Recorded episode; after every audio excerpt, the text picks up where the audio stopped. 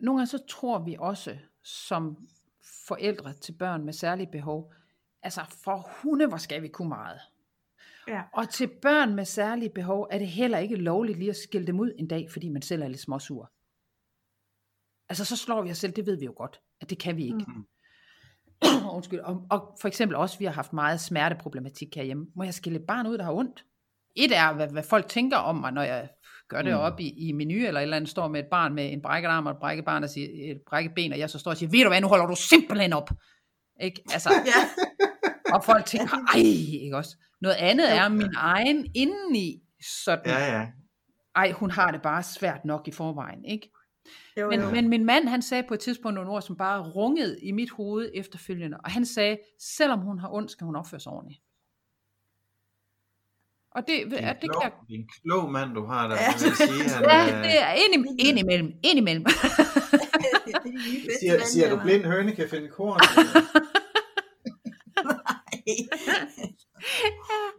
men, men, det, men jeg tænker, at der er meget i det der, øhm, vi, altså at vi ligesom synes, vi skal være ekstra rigtige over for vores børn, fordi de har et handicap, ikke?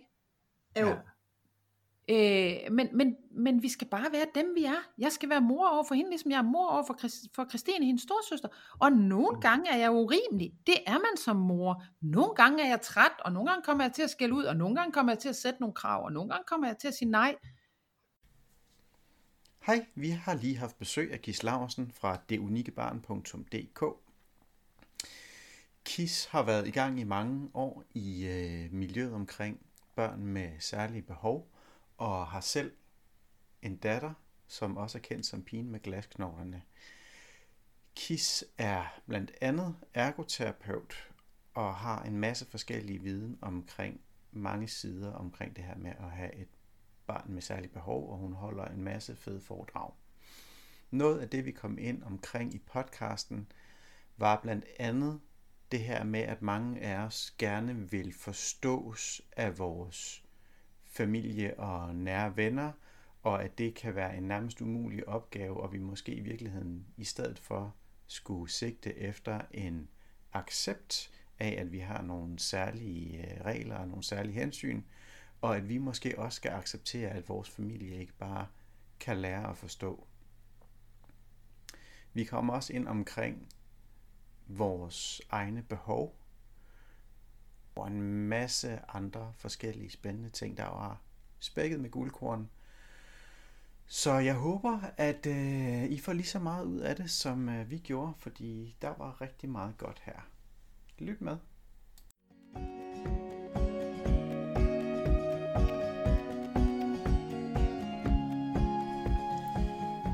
Hej, Det her er Klub Phoenix podcast. Vi er Mjølner, og Katrine. Og den her podcast er hovedsageligt henvendt til øh, forældre med børn med specielt behov, men den er fyldt med masser af gode ting, som kan bruges af alle, der er føler, de er under pres eller stresset. Mm. Du kan følge os på Instagram, Facebook, gå ind på vores hjemmeside, hvor vi har et nyhedsbrev. Og øh, hvis du hører podcasten, og du synes, den er fed, så må du rigtig gerne give os et, en review inde på iTunes. Yes. Tak skal du have. Tak skal du have, og god fornøjelse. Hej Kis. Hej Kis. Hej med jer. Rigtig hjertelig øh, velkommen til, og var det fedt, at du havde øh, tid og lyst. Tak, det gjorde jeg gerne, og tak for invitationen. Ja, det var så let. Vi har rigtig gerne vil snakke med dig i lang tid. Ja, du er jo Okay. en af sværvægterne i, på det her område jo. I forhold til alderserfaring. I hvert fald erfaring. I hvert fald erfaring, ja. øh, ja, fordi du er jo en uh, go-to, Mm. og Ja. ja. du deler gerne din, uh, din viden og dine erfaringer, lige så snart du har muligheden for det. Yep. Og det er vi jo rigtig mange, der er glade for. Øh, så vi vil faktisk lige spørge dig, hvad er det egentlig, du laver? Jamen, øh, jeg startede jo for fem år siden mit firma Det Unikke Barn, øh, simpelthen for at hjælpe forældre, der får et barn med et handicap, eller en diagnose, eller kronisk sygdom. Fordi jeg selv har en erfaring bag mig med, hvor jeg har manglet noget hjælp til at finde rundt i systemet, og især også finde rundt i hverdagen. Så, så startede jeg det der, og har sat mig ind i det, både før og efter, og deler ud af det, jeg, både min egen erfaring, og så den viden, jeg, jeg får, når jeg tager rundt og lærer mere. Ja. Og den, hvor, hvor, hvor er det du, øh, altså vi kan ligesom starte med, hvor, hvor begyndte du med at, at få din erfaring? Du har jo selv Mm. personlig historie. Ja, det har jeg. Jeg fik Marie, som i dag er, er hun, hun må være 24 år. Det er nogle gange svært at huske, ikke? Er ja, det er der. Øhm, og jeg vil sige, at det var, det var en svær proces at lære at have et barn med et handicap. Marie blev født med svær knogleskørhed. Ja. Og fra den ene dag til den anden stod vi i en helt ny livssituation og en helt ny hverdag, end vi egentlig havde planlagt, at vi skulle stå i. Ja. Og det at lære at stå i den der hverdag, helt uden at kunne bruge de erfaringer, jeg havde gjort mig med, vi havde et ældre barn, og den måde, vi ligesom havde været sammen med hende på, kunne jeg slet ikke bruge i det her. Så det var fuldstændig Bambi på glat is, og et stort sort hul, øh, jeg røg ned i på en gang. Ja. ja, den kender vi jo øh, godt. Mm. Sådan, øh, det der med, at man overhovedet ikke kan bruge sin, øh, sit landkort til noget som helst. Ja. Øh, om at starte, starte forfra. Ja. Og jeg kan huske, jeg tænkte, at der må jo være, der må jo være andre, der har stået her før og haft nogle erfaringer. Ja, ja. Øhm, og, og vi fik heldigvis også kontakt med en anden familie, der så havde et barn med til, eller med samme diagnose som vores, da vores datter var 14 dage gammel. Og det var den familie, der reddede vores liv, vil jeg sige. Okay. Ja. Fedt. Mm. Jamen, det er jo, ja, det er jo også hele, øh, hele baggrunden for, for vores klub Phoenix, det er forældre, der hjælper forældre. Ikke? Yep. Og vi har jo også oplevet flere gange, at der er, er folk, der har ragt ud til især Katrine, fordi hun skrev lidt om sine oplevelser, da, da Lue kom, og så er der nogle andre scener, der er kommet til med, vi har jo en, en pige med mikrocefali, Ja. hvor de havde fået malet fanden på væggen, ikke? og så kunne vi øh, komme og fortælle om alle de fantastiske ting, Lue Mm. kunne. Ja, og så Øh, var, og- der var kunne, øh, simpelthen fremmede øh, damer, der havde fundet min blog, og så Ja. ja. på en eller anden måde havde de så også øh, fundet mit telefonnummer og ringet til mig, Ja. øh, og sad over i Jylland og var helt, øh, helt ud af den. Ikke? Ja, men det er jo helt, øh, altså det er jo helt vanvittigt, så meget det betyder for os mennesker at have nogen at spejle os i. Ja, Ja. Altså nogle gange skal vi jo ikke ordne det. Jeg skal ikke ordne det for de forældre, der ringer. De skal egentlig bare have en, der siger, det der, der sker nu, som virker så unormalt, det er helt normalt. ja, Altså Ja. de følelser, du har nu, som for dig virker som noget, man ikke skal have, eller som, øh, som man ikke burde have, eller det kan ikke være rigtigt, jeg skal have det sådan. Det at få at vide af en anden en, det er helt, det er helt normalt, og det er helt rigtigt, det er lige præcis sådan, du skal have det, og det skal nok blive bedre. ja. ja, lige præcis. Mm. Er det, er det noget af det, du taler om, når du er ude og holde foredrag? og Sådan? Ja, det er det i hvert fald. Og så er det lidt, at jeg måske også godt tør at sætte ord på de, de ting, der er svære at sige højt. Øhm, det er også noget af det, jeg gør, når jeg er ude, og som giver en utrolig god snak. Hvis jeg tør at sige, jeg har jo stået i situationer, hvor jeg tænkte, jamen bare hun da ikke overlevede det her. Øh, Og det er Ja. første øh, lange tid sammen med Marie, hvor hun havde brud på brud på brud, øh, og jeg fik ikke noget søvn. Øh, jeg lavede selv brud på hende, og alt var helt kaotisk. Og de har sagt, hun måske ikke overlevede det første år. Der er jeg Ja. da heller ikke fri for, at jeg også tænkte, jamen, så få da det her overstået. ja. Altså, for jeg, jeg kan ikke være i det, jeg kan ikke holde ud til det. Men det er jo ikke, fordi jeg ønsker, hun, hun skal dø. Det er jo, fordi jeg simpelthen er i en situation, hvor jeg ikke aner, hvad jeg skal gøre. Og hvor jeg ikke kan holde ud til at være i. Mm. Mm. Men det med at nogle gange få sagt ord på de der ting, som kan være så svære at sige til folk, og hvis man siger det til sin familie eller sine venner, så vil de sige, nej, nej, nej, se der hvor sød og lækker hun ligger der og er, og nej, sådan må du ikke tænke om dit barn, ikke? Jo, jo, jo. Men det gjorde jeg, og det at sidde nogle gange over for nogen, der siger, det kender jeg godt. Sådan Ja. kan man godt have det. Men det går væk, og jeg slog hende ikke ihjel. hun er her endnu, ikke også? Og jeg elsker hende lige så højt, stadigvæk. Ja, ja. Også selvom det. jeg havde det sådan, ikke? Det er det, og, og lige få, s- og, så vi får luftet alle vores følelser og vores tanker, sådan, så de ikke bare Mm. bor inde i os, og, øh, og vi Ja. lukker dem ned for dem, og, og så går vi og tænker, at, at så er vi forkerte, og, Ja, ja. og alt det der, ikke? Det er forleden her, der så sagde vi til, øh, vi fortalte en veninde, hvor meget vores datter havde udviklet sig her i foråret, øh, og så sagde Mjølner, at hun er simpelthen gået fra at være som et dyr til et menneske, Mm, og hende, vores veninde, hun var fuldstændig, Åh, ej, sådan må du ikke sige, mm, Og så sagde vi, men, men det, var jo, det var jo sådan, hun var jo. Hun Ja. reagerede som et dyr.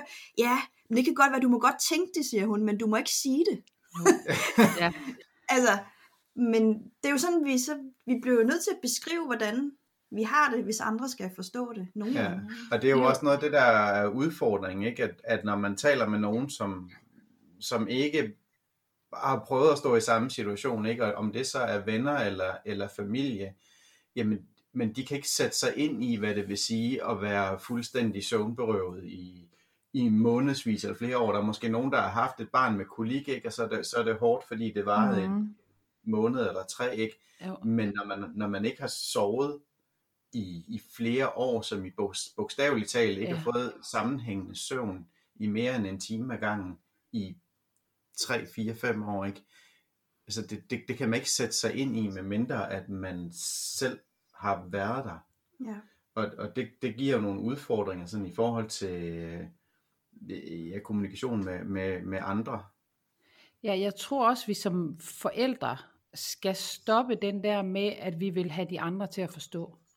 Ja. Fordi før jeg sad i den her situation, der vidste jeg heller ikke, hvordan det ville være. Og jeg tror, før jeg fik Marie, altså, jeg har altid ønsket mig børn, og jeg har leget med dukker til jeg blev gammel nærmest. Altså, jeg var virkelig, virkelig altid ønsket mig at få de her børn. Og hvis du havde sagt til mig, at du sad og tænkte sådan om dit barn, inden jeg selv havde været der, så ville jeg også tænke, det kommer jeg ikke til. Det Ja. Ja. kan jeg godt garantere dig for. Sådan er jeg ikke. Mm. Så, Ja. så hvis jeg går tilbage og kigger på, hvad jeg selv ville have tænkt, Ja. inden jeg fik et barn, så kan jeg jo, altså så kan jeg jo godt forstå dem, jeg sidder overfor.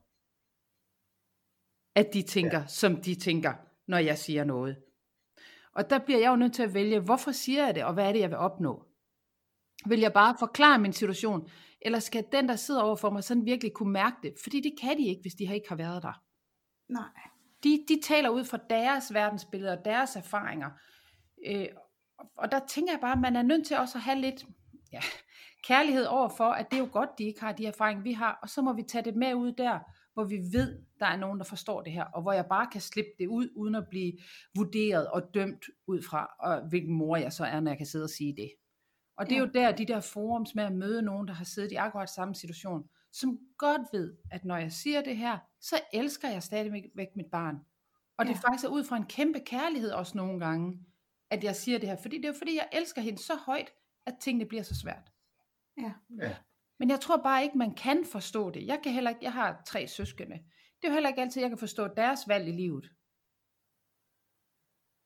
Nej. Med, de, med det, de tager. Og der må jeg ligesom også sige, at det er jo, altså, det ville jeg måske have gjort anderledes, det de gør. Og sådan er vi jo så forskellige. Hvordan håndterer du så kommunikation, eller og har håndteret kommunikationen med, med resten af, af din familie? Fordi vi har godt nok oplevet nogle, skal vi sige, gevaldige udfordringer. Øh, I hvert fald hos nogen, øh, som har haft, altså, som vi gerne ville have haft et tættere forhold til, men Ja. Som, som der, det har slået sådan en, en, en Ja. splid imellem os, Ja. Fordi de ikke ja, kan, vil øh, Forstå det. Ja. Altså, ja, jeg, at være der, fordi de, ikke, de, de, de, ikke, de er bange for at... ja, det bliver meget den der, med, ah, men det er jo, øh, det, der er jo ikke noget med hende. nej, Jeg kan skal, selvfølgelig skal jeg løbe lidt hurtigere, og jeg er træt ja. bagefter, men der er jo ikke noget. nej. Det Men- synes jeg er svært, ikke? Jeg tror nogle gange, vi kommer ud i, at netop nogen, der er tæt på, de prøver på at trøste jer. Ja, Ja, Og hvis man har svært ved at kapere omfanget af, hvad dem, man står overfor, bliver udsat for, så begynder man at prøve ind i sit hoved at minimere det lidt. Ja, Og så kommer det ud på lidt en forkert måde. Så jeg tror, når forældre møder den der, som I har mødt med, det er ikke så galt, så skal man ligesom se på dem og sige, jo, det er det. men tak. Altså, de, de kan ikke. De, nogle gange så kan den anden part bare ikke være i det. Fordi de Nej. kan ikke holde ud til, at de ikke kan gøre noget ved det måske. De, de, de tænker, hvis det er så galt, så bliver jeg jo nødt til at handle.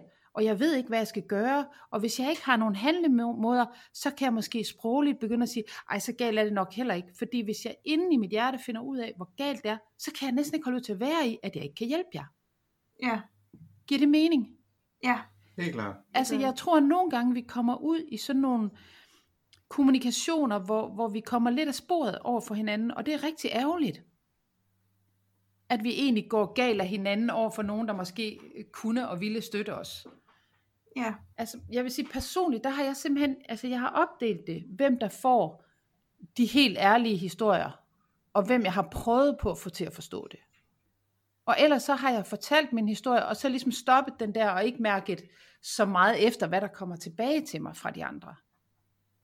Altså ligesom ikke, ikke prøvet på at blive ved med at tale, indtil jeg kan mærke, at den anden har forstået min historie. Ja. okay. Mm. Så, så jeg har været meget opdelt i, hvem får hvad at vide, og så har jeg givet op på den der, eller ikke givet op, jo det kan godt være, jeg har givet op øh, undervejs, men jeg har i hvert fald lagt den til side, den der med, at du skal kunne forstå, hvordan jeg har det. Mm. Nej, der er nogle spilleregler i mit liv, og de er sådan her, og du skal acceptere, at spillereglerne i mit liv er sådan her. Altså mine søskendes børn har jo også skulle tage enormt hensyn, når vi var sammen, i forhold til Marie og hendes knogleskørhed. Ja. Og der har jeg sat reglerne klart op. Det er sådan her. Man går ikke igennem en døråbning samtidig med, at Maria er på vej igennem. En af jer holder tilbage, og det kan også godt være, det er Marie. Men Mm. en af jer holder tilbage. Men, men da hun var helt lille, så det sidste stykke vej hen til hende, når hun lå på gulvet, det skulle man kravle, og det skulle man bare. Og det var ikke sådan, at jeg så også stillede mig op og skulle have mine søskende til at forstå det her. Nej, sådan var reglerne bare. Ja. Så, så jeg ligesom, altså i perioder kan jeg slippe på den der øh, søgen om, at de skal forstå det, jeg står i. Fordi det tror jeg ikke, de kan. Ja, det, det tror jeg var et råd, jeg godt kunne have brugt for en 8 år siden. faktisk, også, faktisk Jeg er aldrig for sent, med Møller. vores ellers ganske normale søn. Ja. Det var, ja, det var, det synes jeg, det skulle skarpt det her. Ja, vi sidder så her ac- accept, accept og ikke nødvendigvis forståelse. Nej, Mm. Nej, den er sgu god. Det kan jeg, det kan jeg, det kan jeg bruge til noget. jeg ville ikke kunne forstå min situation, hvis du havde fortalt mig om den for 25 år siden, inden vi fik Marie. Eller bare da jeg var gravid med hende. Der havde jeg Nej. ikke kunne forstå det, jeg står i, eller stod i i de her 24 år.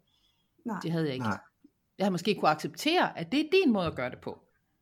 Ja. Men så, så skal vi jo så kigge på, hvordan får man så kommunikeret, hvordan får man kommunikeret det ud på en, øh, en hensigtsmæssig måde? Fordi det tænker Mm. jeg også, at hvis det kan også skabe noget konflikt, at, fordi der må jo, altså der kommer til at være nogle regler, som, ja, som de ikke kan forstå. Ja, ja, men det er der jo. ja, Og det må man jo, altså hvis man ser på dem med lidt, undskyld, hvis man ser på dem med lidt kærlighed og siger, det kan, jeg, jeg kan godt forstå, at du ikke kan forstå det, fordi det ville jeg heller ikke have kunnet, hvis jeg var dig.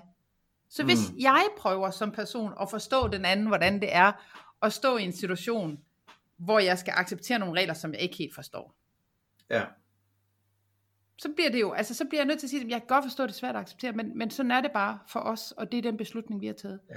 Jeg vil så sige, at det er jo rigtig svært for, nu kender jeg ikke jeres datter, men, men for dem, der har et barn, som nogle gange har en almindelig adfærd, fordi forældrene knokler i baggrunden og forbereder og er øh, på dupperne og holder øje med, hvad der sker, øh, tager al konflikt, inden det kommer, og har forberedt barnet, og kun er der i den tid, hvor barnet har overskud til at være der, så ser Ja. ja. alle, altså jeg har jo haft et barn, det er tydeligt, hun er handicappet, men med de forældre, hvor du ikke kan se det så tydeligt, og hvor man som forældre sidder på dupperne Ja. ja. under en hel familiefest, for at det her ikke skal opstå, det her øjeblik, ja. hvor barnet får en nedsmækning.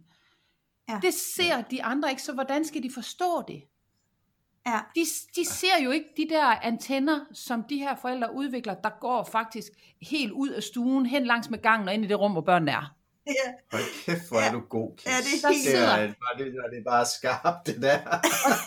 Altså, vi siger også til hinanden, at vi, øh, hvis vi går ovenpå vores datter nedunder, så har vi lange ører. Vi har ører helt herned. Vi Ja. kender alle lydene Ja. i huset. De ører er usynlige, og Ja. dem Ja. ser jeres omgangskreds ikke. Nej. Og hvis de ikke ser jeres barns nedsmeltninger, så har I gjort et kæmpe godt stykke arbejde. Ja. Så nogle gange så skal man vende den der tankegang op i sit hoved til at sige, "Men I forstår det jo ikke. Altså, vi gør, hun, hun har det rigtig, rigtig svært. Og så siger venner, jamen det ser vi jo ikke. Nej. Nej. Og det gør de jo ikke, fordi det er det forum, I skaber, og som I hjælper jeres datter til at være i.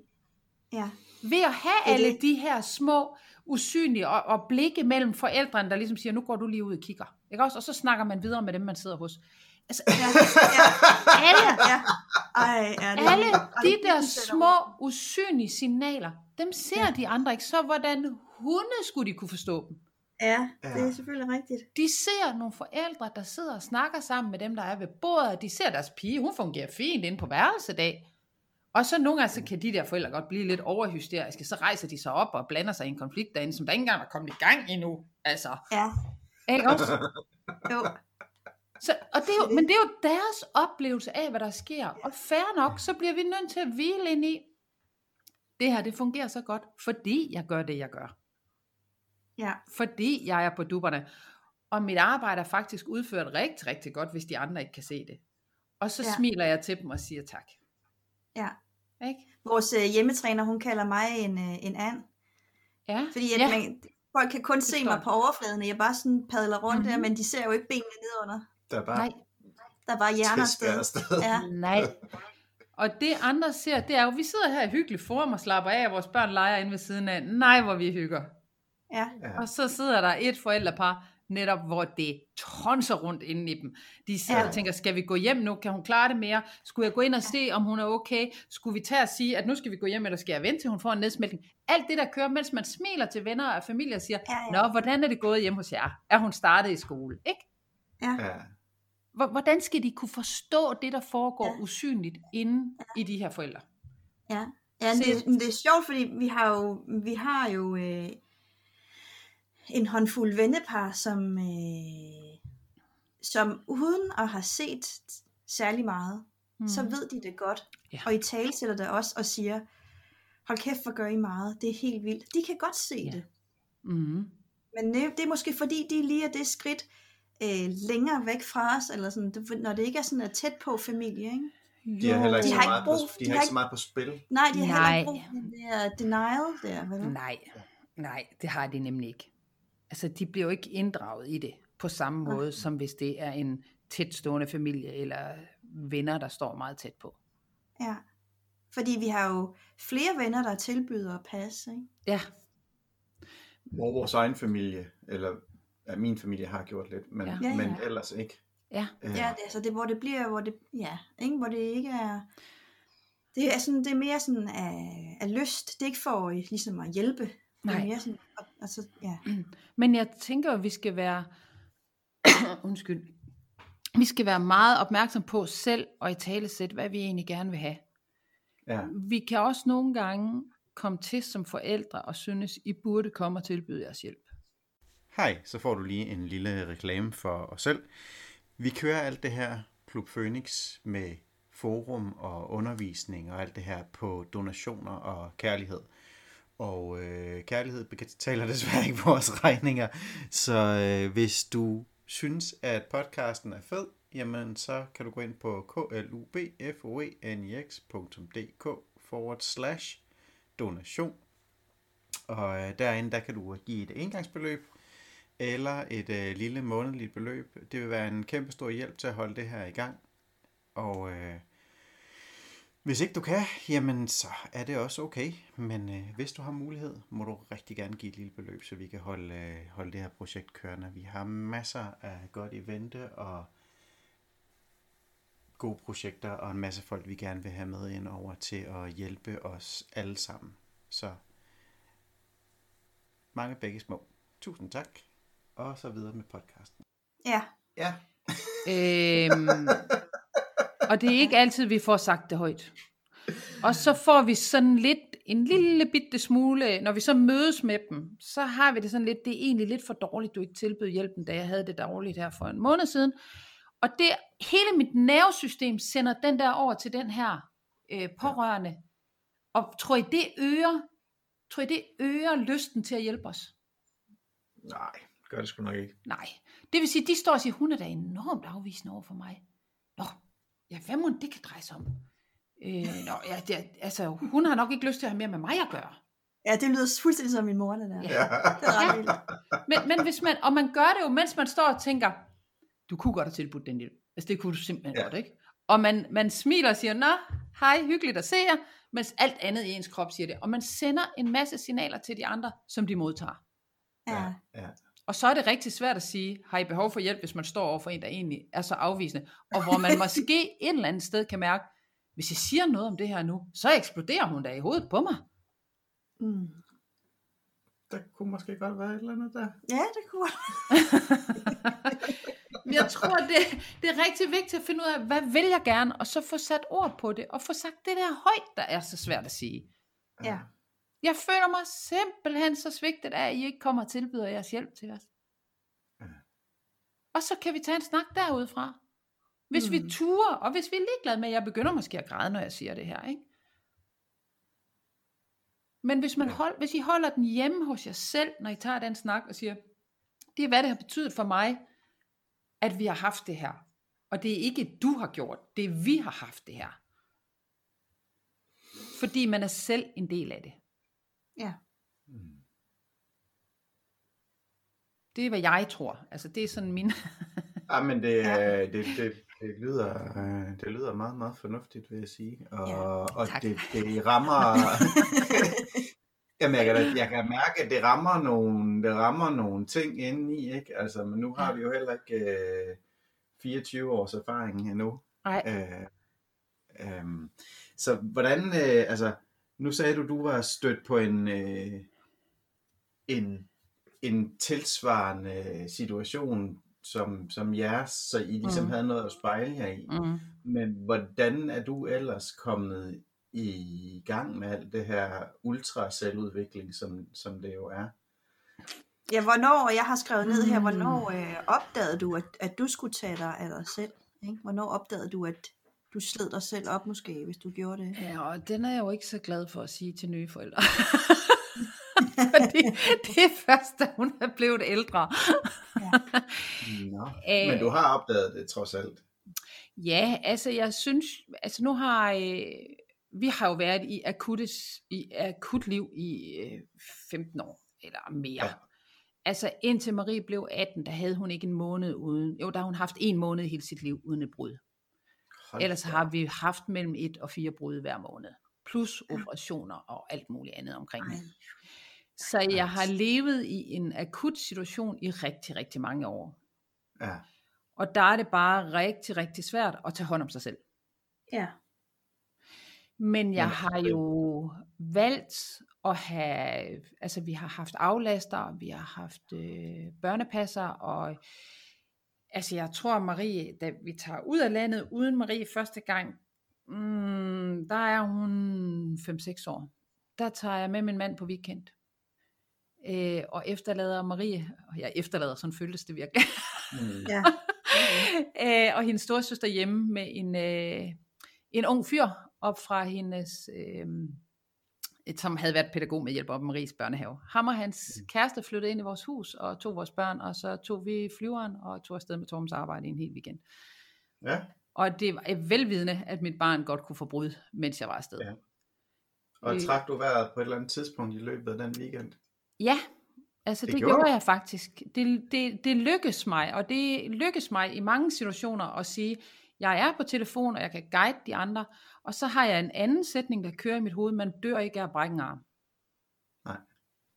Så hun skal nok være i live, når jeg kommer hjem. Og ja. altså, så, så, så jeg har ligesom tvunget mig selv ud af døren, vil jeg sige. Ja. øh, og tvunget mig selv til at overlade ansvaret til andre, og tænke, det kan også gå galt for mig, at hun får brud. Jeg har også lavet brud på hende, jeg har også stået det der, og det kan også godt gå galt for andre, og det må det godt. Ja. Så jeg har øh, ja. tvunget mig selv, men hvornår jeg ligesom har, altså jeg vil sige, alt det der med at ligesom kigge lidt dybere på mig selv, det er først kommet i, øh, i de senere år. Jeg tror, at jeg røg først, jeg røg først helt ned med fladet, da Marie tog på efterskole. Der var jeg helt ned at dykke. Øh, ja. Og lå to-tre måneder hjemme på min sofa. Øh, det var det første tidspunkt i, i mit liv, hvor der ligesom blev noget længere tid til mig, og det betød, at jeg kollapsede. Ja. Og lå hjemme på min sofa i to måneder, eller sådan noget, tror jeg. Øh, og ja. min mand, bad min mand om, som arbejdede fuldtid, om han da ikke kunne handle ind på vejen hjem. ja, ja, ja. det, det havde jeg ikke lige nået. ja. lå jeg på sofaen. Øh, og det at rejse mig derfra, har jeg brugt rigtig mange redskaber til, synes jeg. Det har jeg. Men indtil da, der har jeg valgt, altså da Marie var et år gammel, der valgte jeg, at jeg ville ikke have sådan et trist liv. Jeg ville være glad i mit liv. Øh, og jeg ville være glad for det liv, jeg fik. Så jeg har i alle de år med Marie haft meget fokus på at nyde det, vi fik, frem for at gå og være frustreret over det, jeg ikke fik. Ja. Øh, og hun er faktisk omkring et år gammel, og hun har 50 brud i det første år. Øh, jeg har, hun er tre år gammel, inden hun sover igennem, øh, så jeg har kontakt med hende altså mange gange i løbet af en nat.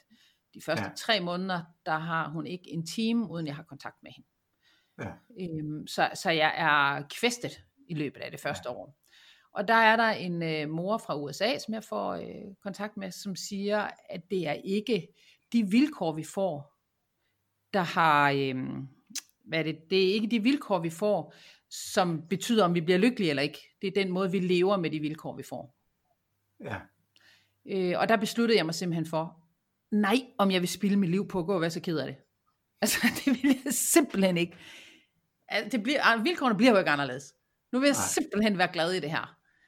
Så det er ikke noget, du er ligesom er født med? sådan en øh, grundlæggende positiv øh, indstilling til... Og jeg, jeg har den meget med hjemmefra. Altså jeg vil sige, ja. jeg er heldig det, jeg har med hjemmefra, og den robusthed, ja. som jeg har med hjemmefra. Altså jeg har jo en, en mor og en far, der også har været fantastisk i det her, og jeg har en søskende flok, der også har, har, øh, har støttet. Så, så jeg har jo en robusthed med hjemmefra. Det har jeg. Mm. Det var godt. Så du har nok også hørt den, og var det bare heldigt for Marie, at øh, du er hendes mor. ja, og hvis du spurgte Marie i teenageårene, så ville hun sige nej. Sådan er det ikke. det virker også til, at hun er en ret, ret bestemt øh, dame, hende øh, Marie. Ja, og, den, ja, det, og det er, det, er en, åh, det er en provokerende sætning at få. Det er jeg med ja. på. Øh, hvor er det heldigt, at hun lige faldt ind i jeres familie. Ja. Øhm, fordi I har de ressourcer, og den I har. Og jeg har sådan, altså er det held eller uheld, det kan vi jo ikke gå ind og sige. Hun kom i vores familie, og vi får det bedste ud af det. Yeah, ja, jeg tænker jo også dem, der siger det, at hvis det var, hvis de, vores datter havde landet hos dem, jamen, så havde de jo også klaret det. Ja, yeah. sådan tænker jeg også. Så øh, og så tager jeg det som en kado. Altså, jeg går ikke ind i diskussionen, om det var heldigt. Jeg tager det sådan lidt som et skulderklap. Tak, fordi du siger ja. det. Altså fordi ja. det er jo fordi, de på en måde anerkender og ser det kæmpe arbejde, man lægger i det. Ja, ja. ja det er det. Det er også, det, der er jo heller ikke rigtig anden måde at tage det på. Man kan godt Nej. gå hen og blive, uh, blive fornærmet, men uh, som, som nogen har en tendens til, men det ja. gavner jo ikke nogen som helst, inklusive os selv. Og det kan jeg da også godt selv på en dårlig dag. Altså det skal da ikke tage mig, altså det, jeg, jeg har alt det der, altså kan der også blive irriteret på min søskende, og kan der også blive øh, fornærmet over en lille kommentar. Øh, men, men så mærker jeg lige efter, og så tænker jeg, det er ikke nu, jeg skal gå ind i den. Hmm. Så ja. det er fordi, de taler ind i noget inde i mig, der er på spil. Det er det. Det er det. Hvor har, hvor har din, øh, hvor har din mand sådan været henne i, i alt det her? Altså vi kender jo, vi kender jo dig, sådan du er meget fremme, og ja. øh, også din øh, datter, men øh, hvad, med, hvad med manden din? Ja, manden min, gennem mange, mange år, han har været med i det her akkurat lige så meget som jeg er i det, og har haft sin op- og nedtur. Han er bare en mere øh, stabil, følelsesmæssig mand. Hans, han er, øh, jamen jeg ved ikke, hvordan jeg skal beskrive ham, men, men han har ikke de store op- og nedture, som jeg har. Nej. Han er meget øh, jordnær, og han nægter at bekymre sig, for eksempel, før der er noget ja. at bekymre sig om. Okay. øh, hvilket jeg virkelig prøver at lære noget af.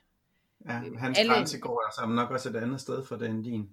Jamen, vi har nogle gange snakket om det, og hvor han også siger, at han har ikke den helt samme grund til at bekymre sig, fordi han ved, at jeg har styr på det. Men Ja. det er jo også, men det er jo virkelig også en ting, ikke, som, som vi ser hos rigtig mange, øh, som får de her børn, der er specielle, at, at der bliver en meget, tit en meget kraftig øh, Ja. sådan, øh, rollefordeling, ikke? at, at Ja. kvinden folder sig utrolig meget om det her barn, Mm. og så bliver der ikke helt så meget plads til øh, Nej. altså, manden i det her, og så vender manden sig ud, fordi nu gør hun det der, så er jeg nødt til at være den, der ligesom sørger for, at alle de andre ting fungerer. Og så bliver der sådan en øh, ja, meget skarp øh, rollefordeling, som, ja. som fungerer på det praktiske plan, mm, men har i hvert fald ikke fungeret for os på sådan det følelsesmæssige, kærlighedsmæssige plan, indtil vi ligesom, eller indtil jeg ligesom fik hamret igennem til Katrine, at hun skulle tage sig af sig selv, fordi hun forsvandt mm. væk i det her. Og jeg tror, det er, altså, det er enormt vigtigt, at vi ligesom tager nogle valg og snakker om dem undervejs. Nu har vi fordelt arbejdsopgaverne sådan her, er det samme, det samme, vi skal fortsætte med. Og så skal vi have noget respekt for det, hinanden gør. Mm. Altså det der med, der ligger jo en respekt i, at min mand han siger, det styrer du, det behøver jeg ikke bekymre mig om. Ja. Øh, og at jeg også respekterer, hvor svært det egentlig er at tage på arbejde, når man har et barn, der har det så svært. Altså jeg Ja. tager hatten af gang på gang. Altså Marie, da hun var lille, og hun skulle have plaster af, hun var hysterisk omkring det, og græd og græd og skreg og skreg og skreg. Øh, Ja. Og så kunne jeg ringe til Torben, og sige, hun, hun vil simpelthen ikke give de plaster af, når vi var indlagt efter en operation. Og så siger han, "Jamen, jeg kommer lige i frokostpausen. Og så kommer han ned i frokostpausen, tager de der plastre af, det her barn, som er grædende, og, men som det kun er far, der må gøre det alligevel, selvom hun græder og lignende, og tager de der plastre af, og så tager han tilbage på arbejde. Ej, vildt. Og hvor jeg flere gange har sagt, det kan, jeg kan simpelthen ikke gå ud og ind af det der. Men det Nej. kan han. Og det er en evne, som jeg ikke har, og som jeg har stor respekt for over hos ham.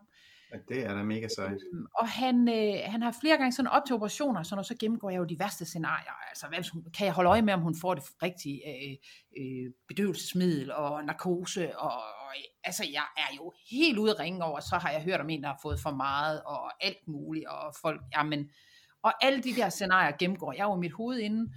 Øh, og hvis jeg prøver på at dele dem med min mand, Mm. så siger han til mig, han, en gang så sagde han helt tydeligt, jeg kan simpelthen ikke forstå, at du bruger så meget energi inden operationen, når du har behov for den bagefter. Ja, Ja. klog mand. Ja, og man kan jo godt sige, at nogle gange har jeg jo stået, når de så kommer ud og siger, at operationen er gået godt, huh, puha, og så er jeg færdig. ja, så er det det. Så har jeg ikke flere kræfter at bruge af i, i forløbet efter. For jeg har Ja, ja, det hele på at forestille mig, at hun nærmest ikke kommer ud igen, og at hun dør under den her operation, det går galt.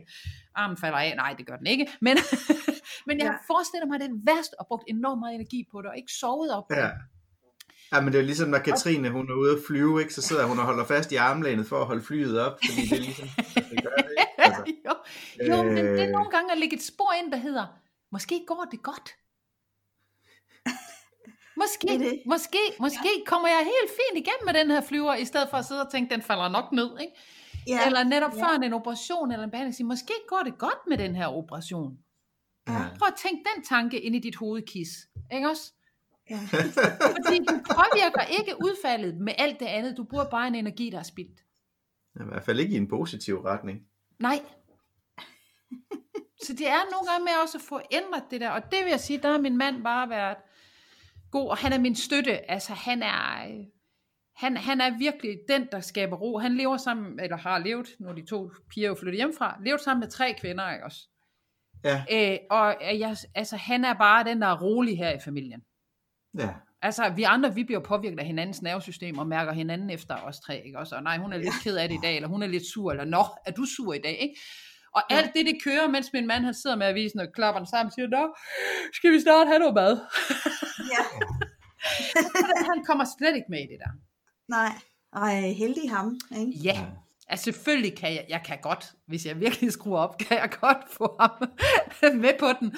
men, men så ved jeg det også godt. Gå med på vognen, ja. Ja, så kan jeg, jeg, jeg ved godt, at jeg kan godt få ham med, rent følelsesmæssigt, ikke også? Men i alle de der små ting, der har han en eller anden måde at holde ro på, synes jeg. Ja, det er godt. Sådan overordnet set, vi har selvfølgelig også vores konflikter, og vi har også vores skænderier, og alt det der, det ligger også i vores. Vi er ikke, det, altså jeg siger, lykken vi finder ved at leve sammen, det er noget, der kommer i, i glimt og perioder, den er der jo ikke hele tiden. Det er jo ikke hver dag, vi kigger hinanden dybt i øjnene og tænker, nej, hvor jeg elsker dig. Der er der også dage, hvor vi kigger hinanden dybt i øjnene og tænker,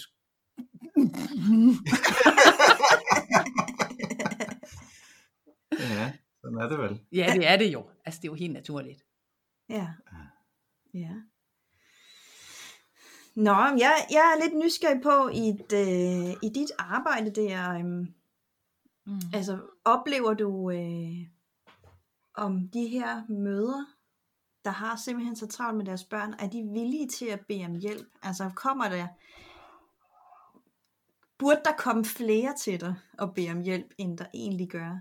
Hvor du, fordi jeg ved, at du rumsterer jo også på forskellige handicapfruer, mm. hvor du ser, hvad folk skriver om, og, du bare, og jeg kan forestille mig, at du sidder og tænker sådan, åh, jeg vil så gerne. Ja, Hvorfor spørger hun ikke om hjælp? Ikke? ja. Jeg tror, vi spørger om hjælp, når vi er klar til at få det. Nogle okay. gange kan vi være så presset, så vi bare har behov for, at der er nogen, der lytter til os. Og står mm. i lige præcis det sted, hvor vi står sammen med os, inden vi er klar til at flytte os. Jeg tror, personer som mig, og også jer, når I har, har kontakt med folk, skal være rigtig forsigtige med ikke at overøse med gode råd. Ja, helt klart. Fordi Helt klart. nogle gange har vi har de forældre, der henvender sig til mig også, bare behov for, at der er nogen, der siger, det er helt naturligt, prøv lige at være i det der lidt, og så finder mm. vi ud af, hvad du kan gøre. Fordi nogle Ja. gange, så, at nogle gange, jeg har, og jeg er forfærdelig til at give gode råd, det er derfor jeg er så god til at sige, at man ikke skal være det, ikke? fordi det øver jeg mig på. Øh, altså fordi, når vi møder de her forældre, så vil vi så gerne lige flytte dem hen til et sted, der er lidt bedre. ja, Ja. Vi vil gerne lige sige, hvis du gjorde sådan og gjorde sådan, så, så ville det være bedre for dig. Men vi kan ikke flytte med folk. De skal selv flytte sig. ja, Så det er enormt vigtigt, at vi lægger muligheder frem for dem, og er simpelthen meget forsigtige med, hvornår vi giver gode råd, og om de overhovedet er modtagelige. Fordi nogle gange kan det at give gode råd være et, det ved vi jo selv, når vi møder det ude hos venner og familie, at nogle gange kan gode råd også være en måde at lukke den anden ned på, og den anden sidder tilbage med en følelse af, du frygter ikke en døjt af, hvad der sker i mit liv. mm. Ja. ja, Så det der med at virkelig være lyttende, lyttende, lyttende, og så måske sige, mm, har du lyst til at høre, hvad jeg har gjort? Og det er ikke sikkert, at du kan bruge det, men jeg kan godt fortælle lidt om, hvad jeg har gjort. Men, ja, Altså, så det der med ikke at sige, ved du hvad, du skulle tage og, øh, og lave noget mindfulness hver morgen. Eller du skulle tage og, øh, og prøve at komme lidt ud og bruge noget tid på dig selv. Men det der med at sige, hmm, hvad vil du gerne? Så er det tit, de selv siger, jeg vil egentlig gerne have noget tid til mig selv. Mm. Ja. Er der nogen mulighed for at finde det nogle steder? Altså vi skal være enormt forsigtige med, at vi ikke kommer til at skubbe folk ud over en kant, ja, Ja. når vi står der, og folk søger hjælp. ja, At vi ikke kommer til at have den anden med, at de vender tilbage til sig selv, og så siger, jeg spurgte om hjælp, og jeg fik bare ikke en, en skid hjælp. mm. Så, Så, det så det, er de, det er de fleste egentlig spørger dig om, det er sådan helt praktisk, øh, hvordan man øh, styrer rundt i systemet. det er, hvordan man styrer rundt i systemet, og så er det også, hvordan får jeg skabt en hverdag. Hvordan, når, når folk gerne vil høre det, også en spørgsmål om, hvordan får jeg prioriteret og planlagt tid til mig selv i hverdagen. Så tager vi en snak om, at det at prioritere og planlægge tid til sig selv, det koster på andre punkter. Det koster hos Ja. barnet. Det koster hos de andre. Og kan det ikke være okay? Det der med at tage en snak om, okay, hvad koster det? Jeg ved godt, at du ikke har tid til dig selv, fordi du bruger så meget tid på dit barn. Men måske får dit barn 120 procent. Kunne vi fjerne noget af det, og så komme ned på, at der er nogle procenter til dig også? Måske behøver Ja. det ikke være så perfekt over hos dit barn, i forhold til, at der bliver noget tid til dig også. Ja, Men det den koster, er, den, er, den er rigtig, rigtig vigtig her. ja, fordi det koster at tage tid til sig selv.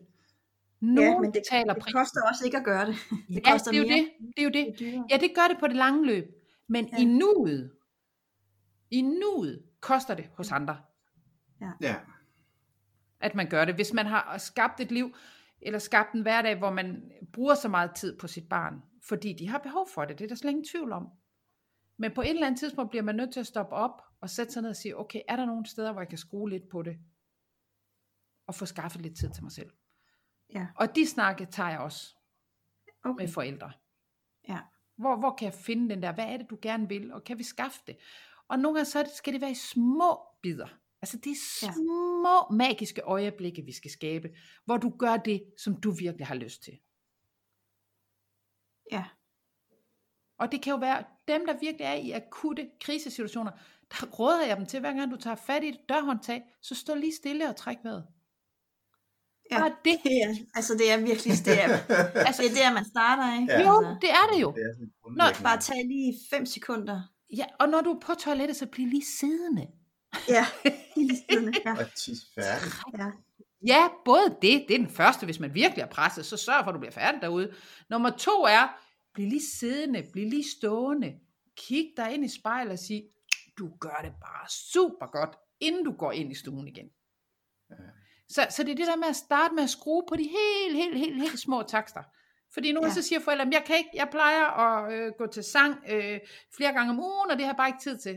Nej, men ja. Ja. kan du godt lide at synge? Kan vi finde de der små minutter, hvor du måske kunne synge derhjemme? Ja. udnytte musikken? Kan vi få den der ja. Ja. lille bitte glæde ind i dig igen? Ja, lige Ja. præcis. Jamen, det er virkelig at finde ud af, hvad er det, der, hvad er det, der løfter mit humør, og så, Mm. og så pri- få det prioriteret på en eller anden måde. Ikke? Ja. Altså, Hvad er det for en følelse i stedet for? Det behøver ikke at være ligesom tingen, altså en fysisk ting, men det er, Ja. hvad giver dig følelsen? ikke? Ja, og kan jeg finde det bare i små bidder? Ja, Og så inde i mit hoved ligge en vej. Altså, fordi nogle gange kan man også godt komme til, at jeg kommer aldrig til derud igen. Ja. Det bliver aldrig muligt for mig igen. Men ved at gøre det her, så lægger vi også en vej ind i hovedet, der er mere positiv, der siger, en eller anden dag, så sidder jeg Ja. derude igen. Så går Ja. jeg til sang igen. Ikke? Og det Jo. giver jo en helt anden, altså det ændrer jo ikke på, øh, på situationen her nu. Og du kommer ikke til at gå til sang, men det giver den der helt anden basisline og følelser i hverdagen. ja. Ja, men det kan jeg skrive under på. Det, øh, Ikke også? Det har, den har jeg været igennem, den øh, rejse der, og, er st- og er stadigvæk i fuld gang med, ikke? i takt med, at min datter har fået det bedre. Mm. Så nu skal jeg finde ud af, hvad er det, hvordan skal mit liv se ud nu, ikke? Fordi jeg har bare været hjemme i alle de her år. Og det kan være en skræmmende proces. Jamen det er det, fordi nu skal jeg virkelig mærke efter, fordi nu har jeg Mhm. muligheden for det, ikke? Og Og, kan det du- er, kan jeg finde ud af det? Ikke? Jo, og nogle gange, når man så mærker efter, så er der ikke rigtig noget derinde. Ja, det sker en gang imellem. Så er der bare sådan ingenting.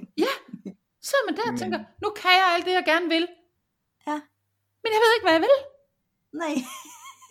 Men altså, nogle gange, så skal man jo også lige ned og ligge på sofaen i to måneder, eller hvor lang tid det nu, nu var, Ja. du sagde, du gjorde det, ikke? Ja. Mm. Fordi at, at når man har, altså når man har kørt med for fulde drøn i så lang tid og bremset og alt sådan noget der, jamen så er det hele, det er, jo, det er jo slidt op, så kan du ikke mærke andet end, Nej. at det er hårdt. Og så skal du lige, øh, altså inden at du kan mærke, hvad der så kan gøre, at det ikke er hårdt, eller hvad det er, der kan gøre dig glad, jamen så, så skal der lige, øh, der skal lige være noget rum til at Ja. mærke i sig. Ja, det er det. Altså det, øh, Jamen det er der ikke anden, øh, jeg ved ikke, jamen det var sidste vinter, hvor jeg skulle ud og købe øh, vinterstøvler til min datter, og så, så står der på, på hylden, der står sådan nogle børne angulus øh, støvler, mm. der er så fede. Og jeg, de står altså 35, og jeg bruger altså 37 nu, og jeg, jeg var henne og prøvede dem fire eller fem gange, og jeg kunne ikke passe dem. Jeg synes, de var så fede, og jeg var kom hjem, og jeg var bare, jeg havde så optur over det, fordi jeg kunne mærke, at jeg kunne Ja. lide de der støvler. Ja. Det var så længe siden, jeg havde kunne lide noget, Ja. som jeg gerne ville have. Ellers havde det bare været sådan, det var lige meget. Ja. Ikke? Jo. Jeg er ligeglad. Ja. Sådan. Og nu har du en lang, lang liste Nu har jeg med en, ting, der en gør dig liste glad. af alle mulige ting, der gør mig glad. Ikke? Som jeg pludselig sådan, ej, jeg kan lide at sidde udenfor. Ej, jeg kan lide at høre solstrålen. Ej, ja. Og det er så dejligt at mærke igen. Og det er Fordi det bare... var helt væk. Det var helt Ja. væk. Og jeg tror, det er vigtigt at få det der fortalt til de forældre, der står, hvor barnet begynder at få det bedre, eller barnet flytter på institution. Det er helt naturligt, at når Ja. vi lænder os tilbage, så kan vi godt, nogen af os, være lidt tomme. Fordi vi har jo ikke lyttet til de behov, og vi har lukket dem ned i rigtig, rigtig mange år. Mm. Så, så de er lukket ned. Men så det ja. der med at netop begynde med det små, "Ah, her dufter egentlig godt, eller den smag kan jeg godt lide, og så gå på, være nysgerrig på ens liv, og glædes, når man mærker det mindste, så skal man ligesom vande den. Ja. og tænke, ah, Men det er jo også fordi, det gør, altså i den periode, hvor man har skulle ofre sig selv, eller ikke skulle ofre sig selv, men hvor hvor, man man, i hvert fald kom, hvor man i hvert fald er kommet til det, mm, jamen så gør det jo, der gør det jo ondt at mærke ja, sine egne behov. ja, Og det er derfor, man er nødt til at lukke, lukke ned for dem, og så kan man ikke bare forvente, at, at det står åbent lige så snart, at, at man kan. Mm.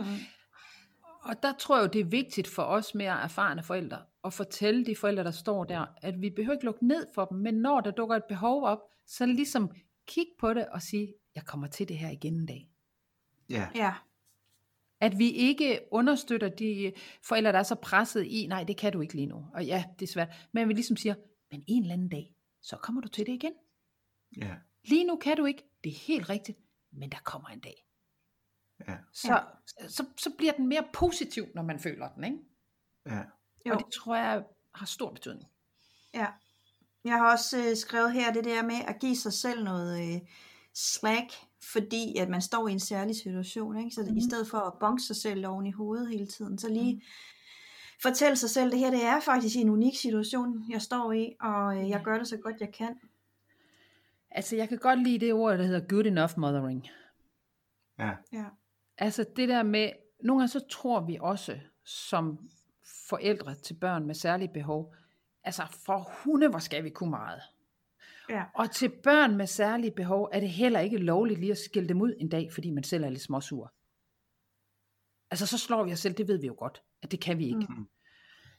Undskyld. Og, og for eksempel også, vi har haft meget smerteproblematik herhjemme. Må jeg skille et barn ud, der har ondt?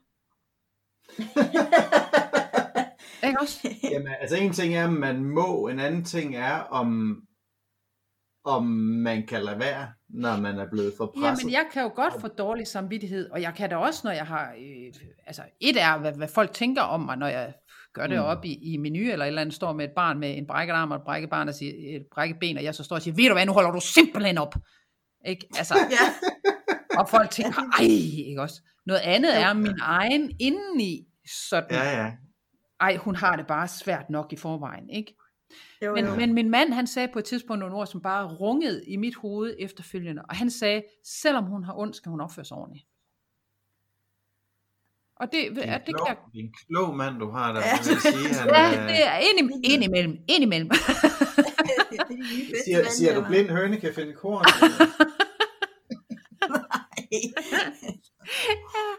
men, men, det, men jeg tænker, at der er meget i det der... Øhm, vi, altså, at vi ligesom synes, vi skal være ekstra rigtige over for vores børn, fordi de har et handicap, ikke? jo. Ja. Øh, men, men, men vi skal bare være dem, vi er. Jeg skal være mor over for hende, ligesom jeg er mor over for, Chris, for Christine, hendes storsøster. Og nogle gange er jeg urimelig. Det er man som mor. Nogle gange er jeg træt, og nogle gange kommer jeg til at skælde ud, og nogle gange kommer jeg til at sætte nogle krav, og nogle gange kommer jeg til at sige nej på urimelige tidspunkter, eller i urimelige situationer. Sådan er det, så må vi tage den bagefter. Ja. Jeg kan ikke være perfekt.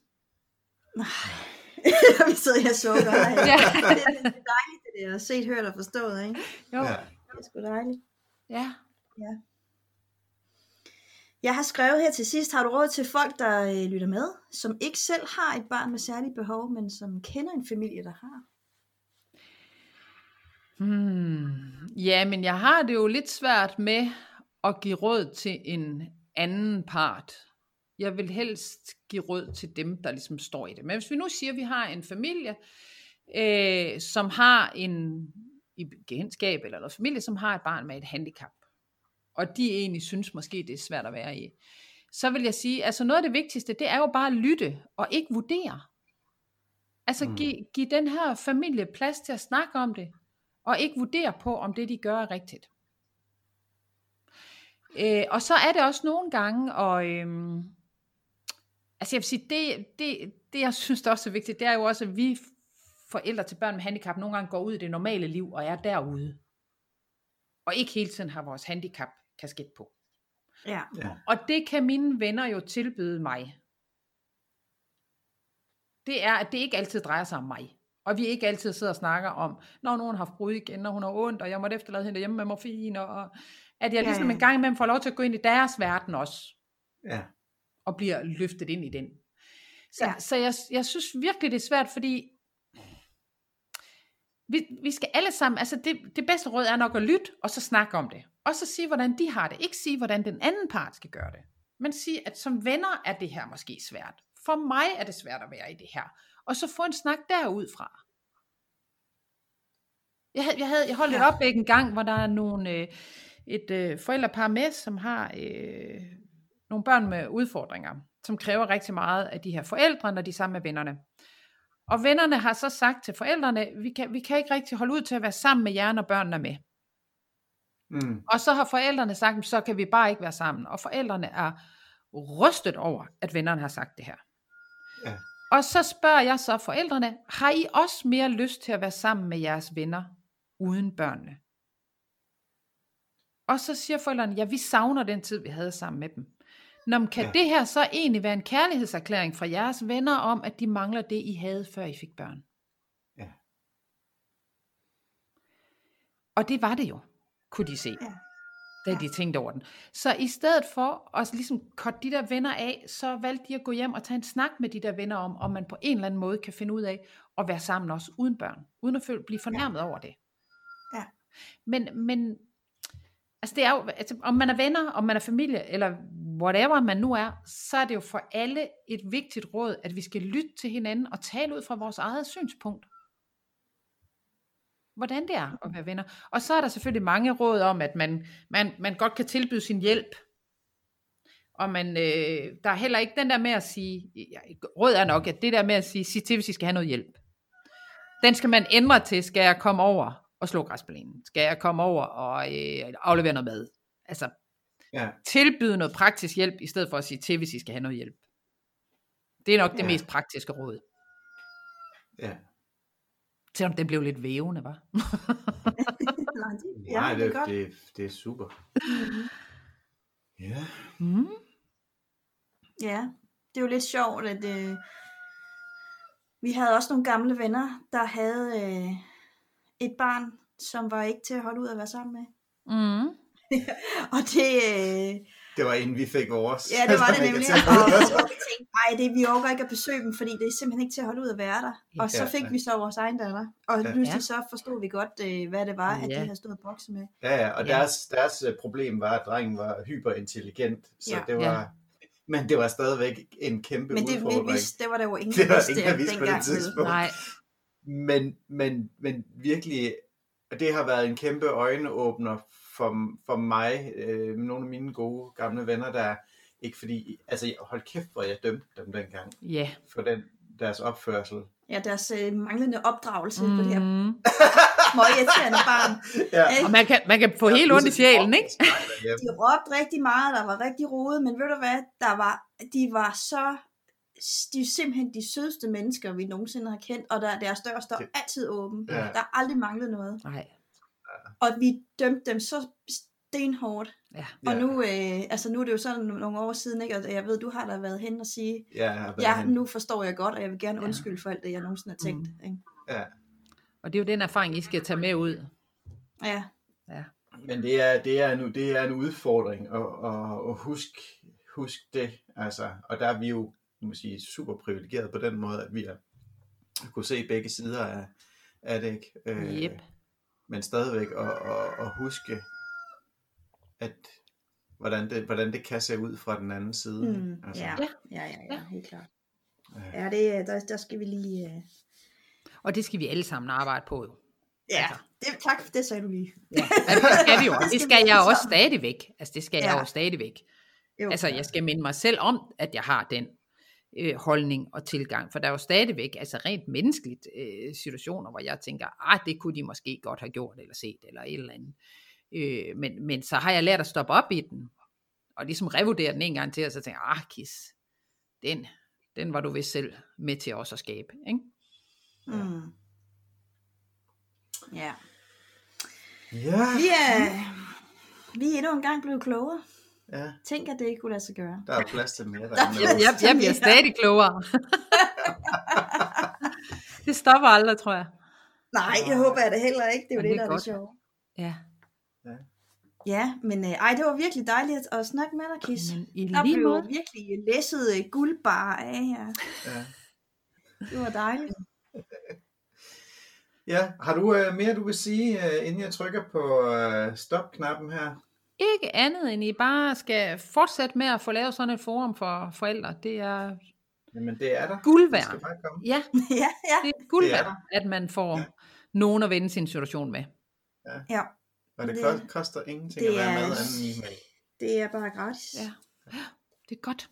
Det er godt. Ja, det er Godt rigtig initiativ, I har der. Tusind Fedt. tak, Kis. Så trykker jeg på, øh, på stop-knappen her. Jamen, kan I have en god dag? I lige måde. måde. Det her var afsnit 4 af Klub Fønings podcast, hvor vi interviewede Kis Laversen fra deunikebarn.dk, som du selvfølgelig kan læse mere om inde på hendes hjemmeside, og der står også lidt i vores show notes her. Tak fordi I lyttede med. Vi glæder os til næste podcast, så hvor vi gerne skulle interviewe Mette Karandi, og øh, hende glæder vi os rigtig meget til at snakke med også. Tak for i dag. Du har lige hørt Klubførings podcast. Det er en podcast hovedsageligt for forældre til børn med specielle behov. Men alle andre skulle også gerne kunne få noget ud af det. Vi har legnet en øh, hulens masse dygtige folk op, som vi interviewer til den her podcast, og vi får også meget ud af den selv. Du kan læse mere om podcasten inde på klubfoenix.dk e podcast og øh, derinde der kan du også læse lidt mere om, hvem der har været med, og så sådan noget. Der, hvor du har fundet den her podcast, der må du gerne give os et review, så andre også kan være med til at finde den, og du må rigtig gerne være med til at, at dele den også. Inde på klubphoenix.dk, der har vi også øh, kurser, og vi har et, øh, et forum, som er væk fra Facebook, hvor man kan gå mere i detaljer med forskellige ting omkring sit, øh, sit barn med, med specielt behov. Og, og det at være forældre til sådan et. Hvis du synes, den her podcast har været fed, så må du som sagt gerne give os et review, en anmeldelse. Men øh, det vil også være fantastisk, hvis øh, du vil hjælpe os til at eksistere, for det koster lidt at have det hele kørende. Og øh, til det, der kan du gå ind på øh, vores hjemmeside, og så altså klubfoenix.dk skråstreg donation. Og derinde, der kan du støtte os via PayPal. Øh, og der kan du give et lille beløb om måneden, eller et større beløb, eller et større indgangsbeløb, eller hvad du nu har lyst til. Øh, vi laver også de her kurser, og de går hen og bliver gratis nu.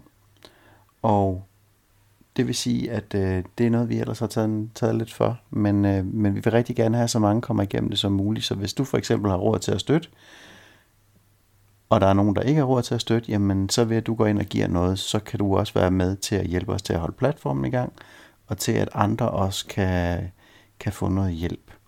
Det vil være en rigtig stor øh, gave til os, at vi kan holde det her kørende, og vi kan holde skinnet på næsen. Øhm, du kan også følge os på Facebook, facebook.com skråstreg klubfoenix og vi er også på Instagram, instagram.com skråstreg klubfoenix Ja, vi håber du har fået øh, rigtig meget ud af det her, ligesom vi har, og så øh, glæder vi os til at diske op med en masse andre podcasts over det næste stykke tid.